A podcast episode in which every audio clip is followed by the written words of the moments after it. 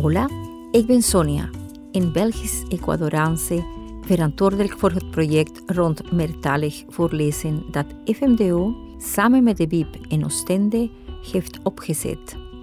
Kennen jullie FMDO?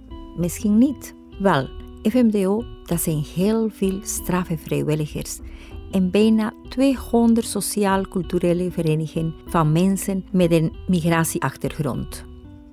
Samen gaan wij aan de slag om het samenleven en diversiteit te verbeteren. Welkom bij Allo Micro. Dat is een podcast met persoonlijke verhalen van mensen uit België wiens wortels ver weg liggen.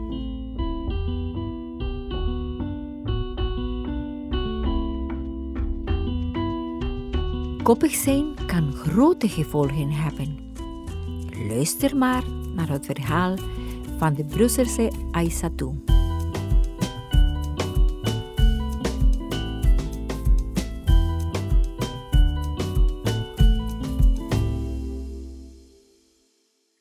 Ik was negen of tien jaar in, in mijn land. Uh, ik, ik weet niet precies, ik was te klein. Uh, ik kom uit Guinea, uh, in West-Afrika.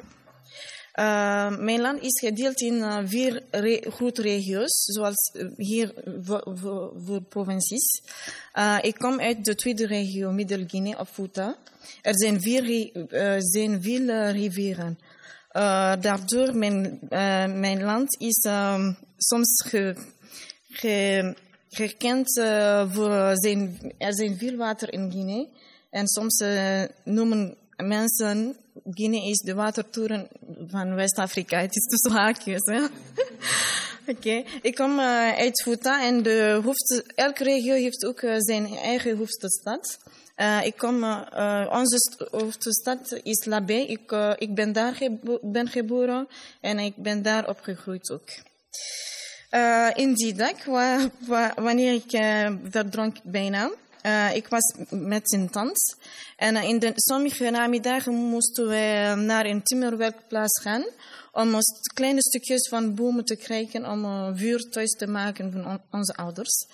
En die, op die dag, uh, we, toen wij in die werkplaats waren, begon het te regenen. Veel het was veel regen. En moest toch dus wachten. Maar uh, toen uh, het uh, stopte regen, we moesten naar huis gaan. En buiten, we hadden twee keuzes om naar huis te gaan.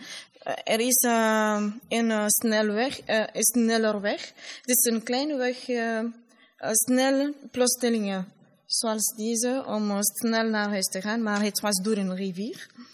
En de andere weg is normaal, maar je moet uh, bijna 10 à 15 minuten lopen te voet. Uh, maar ik, uh, ik heb gezegd dat aan mijn tante, ik was met een tante, het is ook een meisje, maar een kleine ouder dan ik. meer dan ik, hij is, hij, ze was 13 of 14 jaar. En ik, ik zei dat ik uh, wil dat we naar de rivier gaan. Ze, ze zei nee, het is gevaarlijk. Ik zei nee, ik wil niet aan andere mensen, andere meisjes om aan mij te kijken. Want ik, ik wou niet deze taak doen. dus dus uh, ik zei, nee, ik zal snel naar de rivier gaan en dan ik zal spelen. Het was bijna zes uur s'avonds en uh, Labé is een grote stad. Er zijn veel mensen, sommige mensen gingen naar huis, sommige spelen op, op straat en sommige zitten aan stoelen.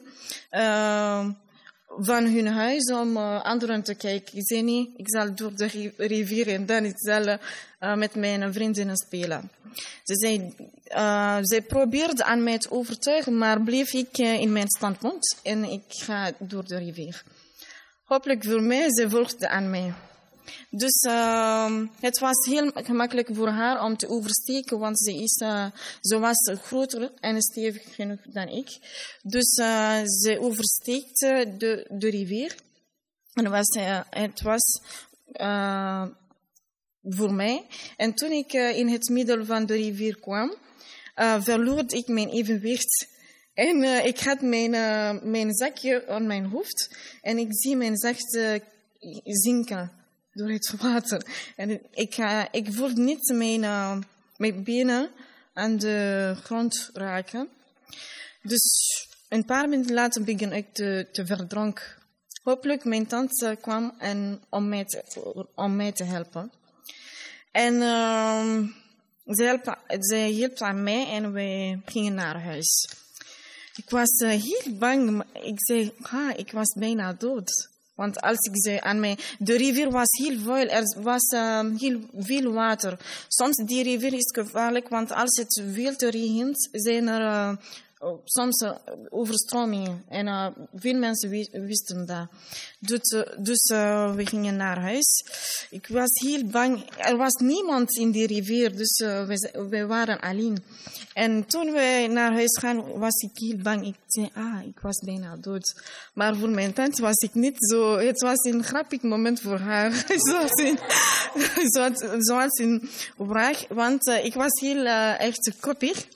Dus uh, ze kijkt aan mij. Ik was uh, zonder schoenen. Mijn jurk is heel nat en stroomde water over mij. Hij zei, weet je, misschien mensen, alle mensen kijken aan jou aan een vreemde manier. Misschien denken ze dat je gek, gek bent. Ik zei, nee. Uh, de, de jurk dat ik droeg, was voor haar, want het was te klein voor haar en ze heeft aan mij die jurk te geven. Ik zei, ah, als je lacht tegen mij, dat is voor je jurk.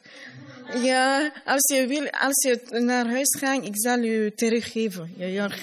Ik wou niet je jurk dragen. Oké, maar uh, ik heb niet bedankt, nee, ik heb niet dat gezegd. Hè. Ik was uh, boos tegen haar en nu, als ik kijk, ik zie, ah, in het begin wou ik niet daar uh, in, de snel, in de normaalweg gaan, want ik wou niet aan de anderen aan mij kijken. Maar nu, de weinige mensen dat ik ontmoet, waren verplicht om aan mij te kijken. dus, um, en uh, toen we thuis kwamen, was, ik woon, woonden met mijn grootmoeder. En ze was aan het paniek, want ze dacht, ah, ik wil niet dat de meisjes door de rivier gaan.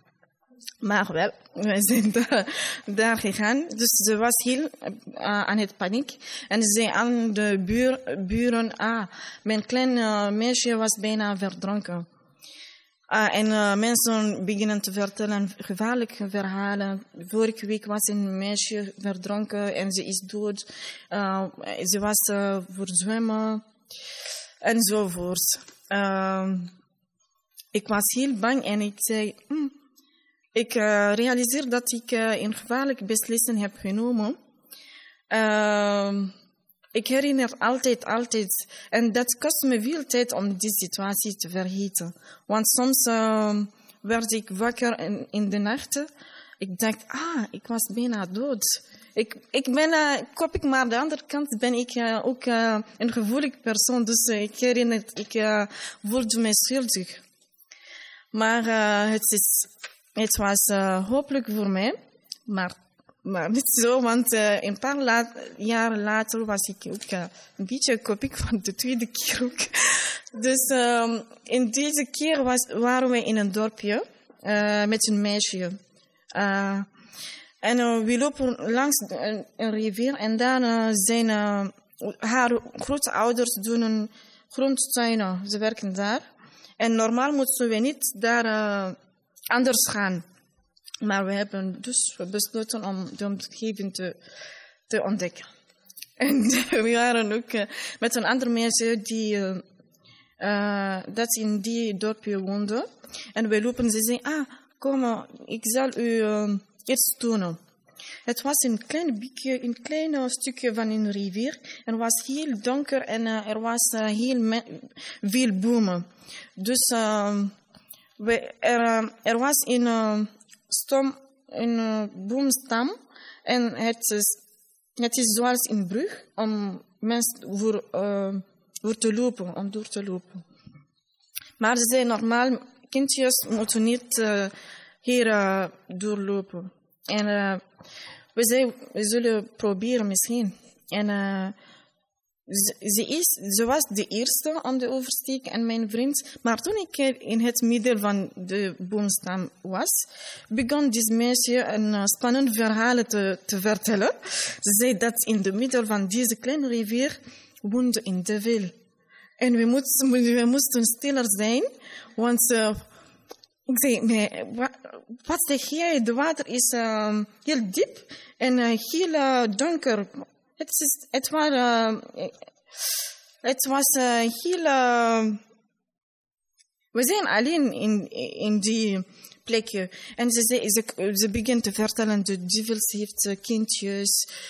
Oh. ik herinner niet meer, maar ik ben, uh, ik ben gevallen op de, hopelijk in de, de boom staan. Niet in de water, want de water is heel, heel diep. Ik herinner niet meer hoe ik uh, daar ben weggegaan. En deze situatie volgens mij tot nu. Bijvoorbeeld als ik in Brussel ben en ik loop, ik, ik ben met andere mensen, ik, als ik zie de kleine gaten voor de ventilatie van de metro, altijd, ik kan niet doorlopen. Ik zie de rivier. En soms mensen zeggen, wat heb jij? Ik zie niks. Ja, niks. Want uh, die situatie is uh, in mijn hoofd. Als ik zie, ik zie deze, deze rivier. Het is uh, mijn verhaal. Dus...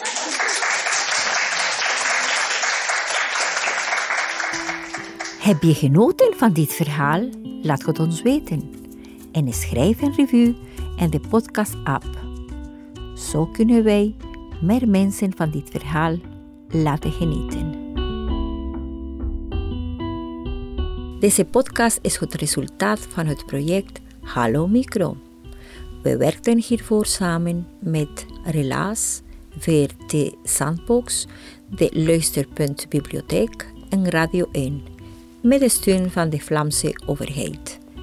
Gracias aan alle vrijwilligers en iedereen die meewerkte aan dit project. En niet te vergeten onze Mo die de muziek voor onze podcast maakte.